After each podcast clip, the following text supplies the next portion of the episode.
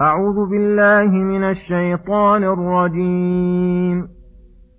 ولكل جعلنا موالي مما ترك الوالدان والأقربون والذين عقدت أيمانكم فآتوهم نصيبهم إن الله كان على كل شيء شهيدا الرجال قوامون على النساء بما فضل الله بعضهم على بعض وبما أنفقوا من أموالهم فالصالحات قانتات حافظات للغيب بما حفظ الله واللاتي تخافون نشوزهن فعظوهن واهجروهن في المضاجع واضربوهن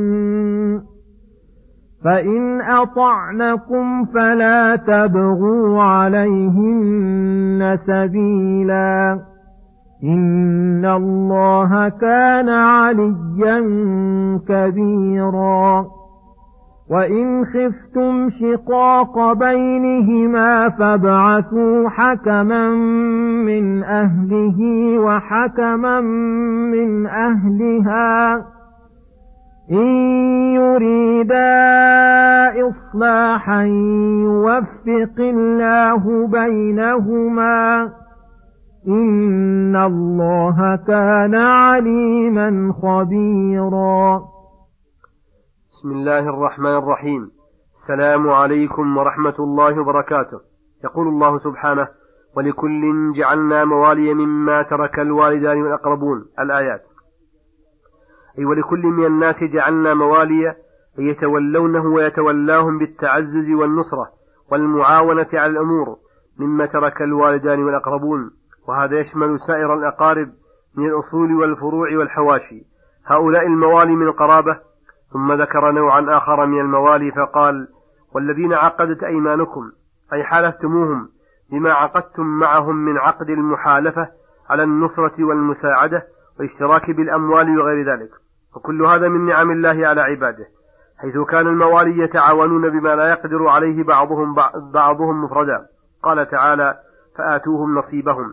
أي آتوا الموالي نصيبهم الذي يجب يجب القيام به من النصرة والمعاونة والمساعدة على غير معصية الله. والميراث الأقارب الأدنين من الموالي إن الله كان على كل شيء شهيدا. أي مطلعا على كل شيء بعلمه لجميع الأمور وبصره لحركات عباده وسمعه لجميع أصواتهم. ثم يخبر تعالى أن الرجال قوامون على النساء أي قوامون عليهن بإلزامهن بحقوق الله تعالى من المحافظة على فرائضه وكفهن عن مفاسد والرجال عليهم أن, يلزموهن بذلك فقوامون عليهن أيضا بالإنفاق عليهن والكسوة والمسكن.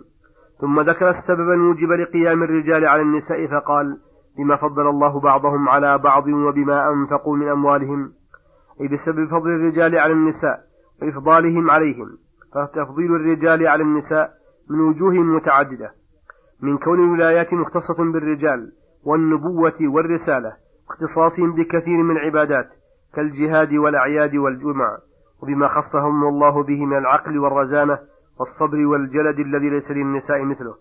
وكذلك خصهم بالنفقات على الزوجات بل وكثير من النفقات اختص بها الرجال ويتميزون عن النساء. ولعل هذا سر قوله بما أنفقوا وحذف المفعول ليدل على عموم النفقة. فعلم من هذا كله أن الرجل كالوالي والسيد لامرأته وهي عنده عانية أسيرة فوظيفته أن يقوم بما استرعاه الله به ووظيفتها القيام بطاعة ربها وطاعة زوجها فلهذا قال فالصالحات قانتات أي مطيعات لله تعالى حافظات للغيب أي مطيعات لأزواجهن حتى في الغيب تحفظ بعلها بنفسها وماله وذلك بحفظ الله لهن وتوفيقه لهن لا من أنفسهن فإن النفس أمارة بالسوء ولكن من توكل على الله كفاه ما أهمه من أمر دينه ودنياه. ثم قال واللاتي تخافون نشوزهن أي ارتفاعهن عن طاعة أزواجهن بأن تعصيه بالقول أو الفعل فإنه يؤدبها بالأسهل فالأسهل. فعظوهن أي ببيان حكم الله بطاعة الزوج ومعصيته والترغيب في الطاعة والترهيب من المعصية. فإن انتهت فذلك المطلوب وإلا فيهجرها الزوج في المضجع بأن لا يضاجعها ولا يجامعها بمقدار ما يحصل به المقصود. وإلا ضربها ضربا غير مبرح. إن حصل المقصود بواحد من هذه الأمور وأطعنكم فلا تبغوا عليهن سبيلا. أي فقد حصل لكم ما تحبون فتركوا معاتبتها على الأمور الماضية والتنقيب عن, عن العيوب التي يضر ذكرها ويحدث بسببه الشر.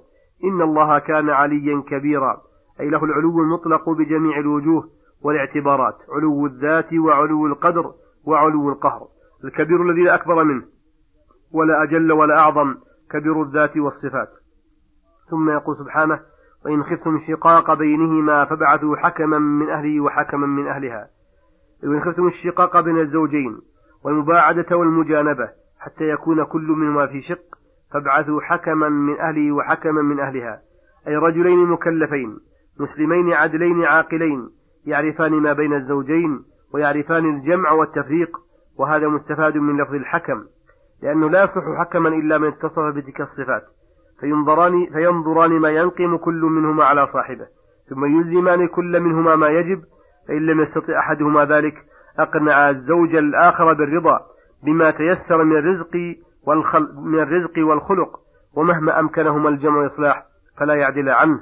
فإن وصلت الحال إلى أنه لا يمكن اجتماعهما وإصلاحهما إلا على وجه المعاداة والمقاطعة ومعصية الله ورأي أن التفريق بينهما أصلح فرقا بينهما.